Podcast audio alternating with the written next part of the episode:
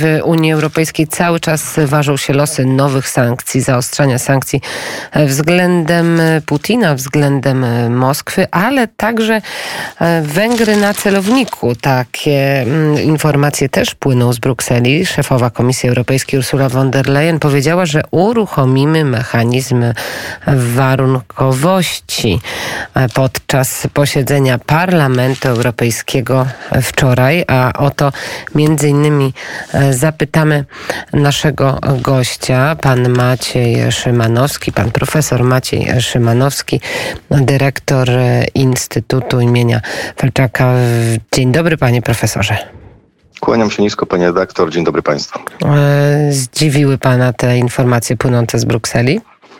Nie, bo akurat trzeba przyznać, że Bruksela od, od, od wielu lat, a już na pewno od kilku miesięcy prowadzi bardzo otwartą e, politykę wobec e, Budapesztu. Mówi otwarcie, i też wobec Polski, mówi otwarcie o potrzebie zagłodzenia, o potrzebie odcięcia od funduszy, potrzebie mm, no, utrudniania życia tak długo, dopóki E, będą rządzić e, konserwatywni premierzy czy w Budapeszcie, czy w Warszawie. Także to jest logiczny ciąg, e, próba wpłynięcia po prostu na, na, na kształt sceny politycznej w krajach unijnych.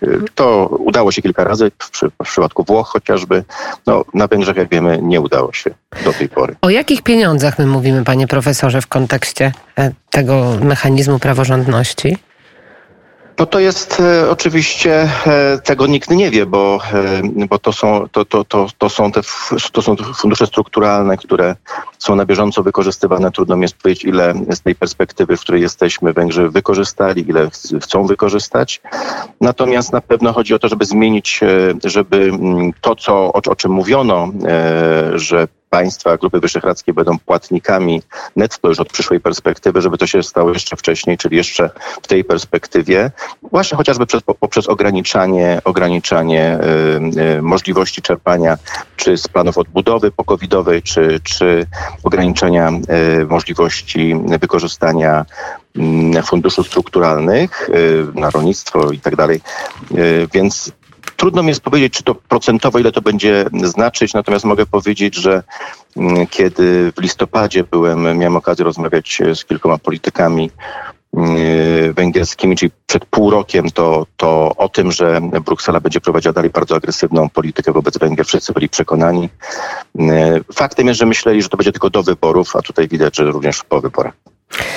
E, wygrana Wiktora Orbana i e, Fideszu po raz czwarty na Węgrzech.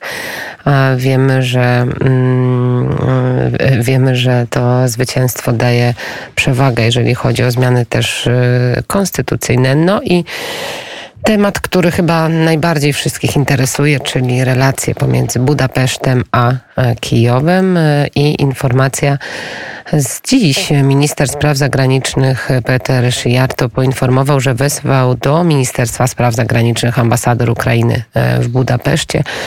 Jak pan widzi rozwój e, tych relacji pomiędzy tymi dwoma krajami? Mm, no niestety nie najlepiej, e, ponieważ ta gorączka przedwyborcza mm, zdaje się, że się przeciąga w perspektywie czasowej na, na kolejne dni. Wypowiedzi wypowiedzi i samego prezydenta Zełańskiego i, i jego ambasadorów są bardzo ad personam, czyli bardzo skierowane, skierowane właśnie bezpośrednio na, na, do Wiktora Orbana i nie ma tam słowa dziękuję na przykład za, za przyjęcie pół, pół miliona uchodźców e, i za tą największą pomoc humanitarną w dziejach w ogóle współczesnych Węgrzech, które Węgry udzieliły czy uchodźcom, czy wysyłając transporty żywności, leków na, na samą Ukrainę. Natomiast jest bardzo dużo prób porównywania, mm, e, porównywania Wiktora Orbana do, e, do prezydenta i, i dyktatora Rosji, obci, próby, próby obciążania go chociażby zbrodnią w Buczy. Wydaje mi się, że to idzie troszeczkę za daleko. No niestety musimy się przygotować na to, że w najbliższe dni, być może również tygodnie, to będzie czas napięć między Ukrainą i Węgrami. Mam nadzieję, że to zostanie ograniczone do tego tylko, do tych tylko relacji, że kolejne państwa Europy Środkowej nie, nie wejdą w taki rezonans negatywny i nie zaczną wspierać się między sobą o różne rzeczy, bo to, czego Europa Środkowa w tej chwili najbardziej potrzebuje, no to to jest, to jest jedności. i nie poddawaniu się naciskom różnym, czy przyjaciół, przyjaciół tej starej polityki niemieckiej wobec, wobec Moskwy na zachodzie, czy też, czy też no, eskalacji w jakiś wielki konflikt. My musimy wytrzymać nerwowo, musimy pomagać Ukrainie, jak sądzę, ale przede wszystkim nie wolno nam się kłócić między sobą. To byłoby fatalne, gdyby, gdyby w ślad za mm, tą polemiką węgiersko-ukraińską, a wiele środowisk już do tego zachęca, była zawieszona działalność Grupy Wyszehradzkiej, Trójmorza, nie wręcz odwrotnie. Myślę, że tutaj trzeba po prostu te nasze relacje środkowoeuropejskie raczej zacieśniać, a nie rozluźniać.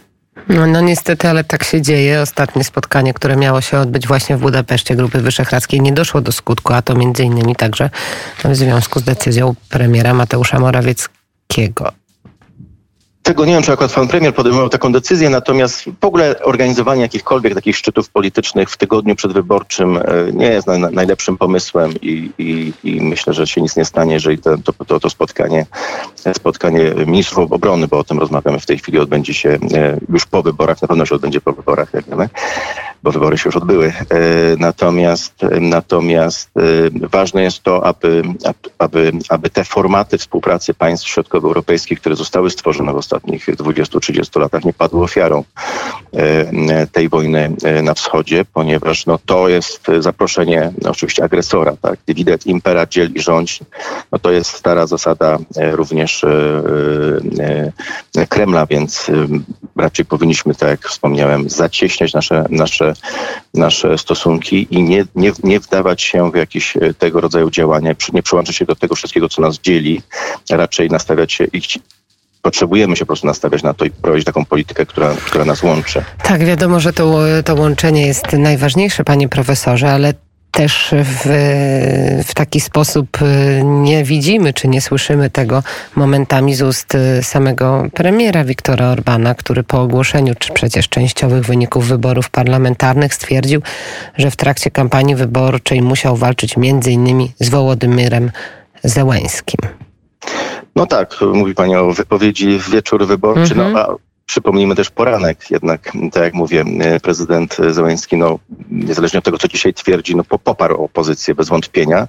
Co mnie zdziwiło osobiście, bo jeżeli, jeżeli opozycja by dzisiaj rządziła na Węgrzech, to myślę, że Kijów mógłby się pożegnać e, z poparciem Węgier dla jego członkostwa w Unii Europejskiej. E, to właśnie ten, ta administracja, ten rząd poparł. Jako jeden z nielicznych w Unii Europejskiej też trzeba pamiętać, Berlin, Paryż są absolutnie przeciwko temu.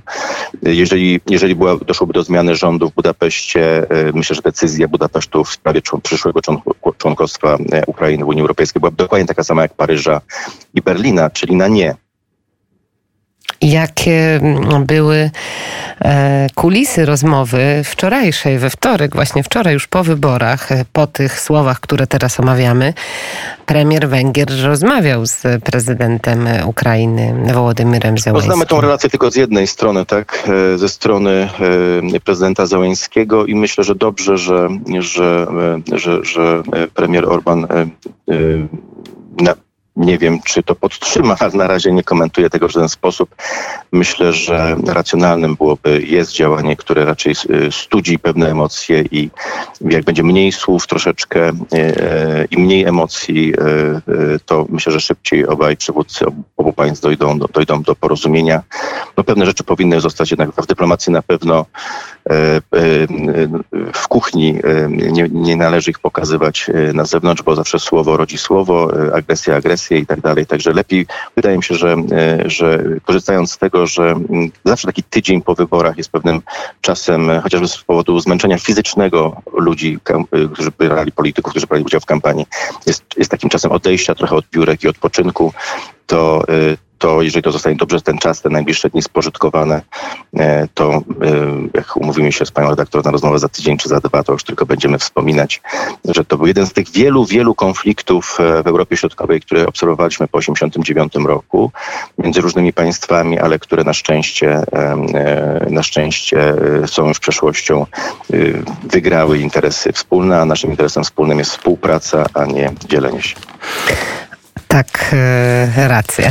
Pan profesor Maciej Szymanowski, Instytut, e, dyrektor Instytutu Współpracy Polsko-Węgierskiej imienia Wacława Felczaka był gościem Radia Wnet. Dziękuję za rozmowę, panie profesorze. Bardzo dziękuję za rozmowę. Do usłyszenia.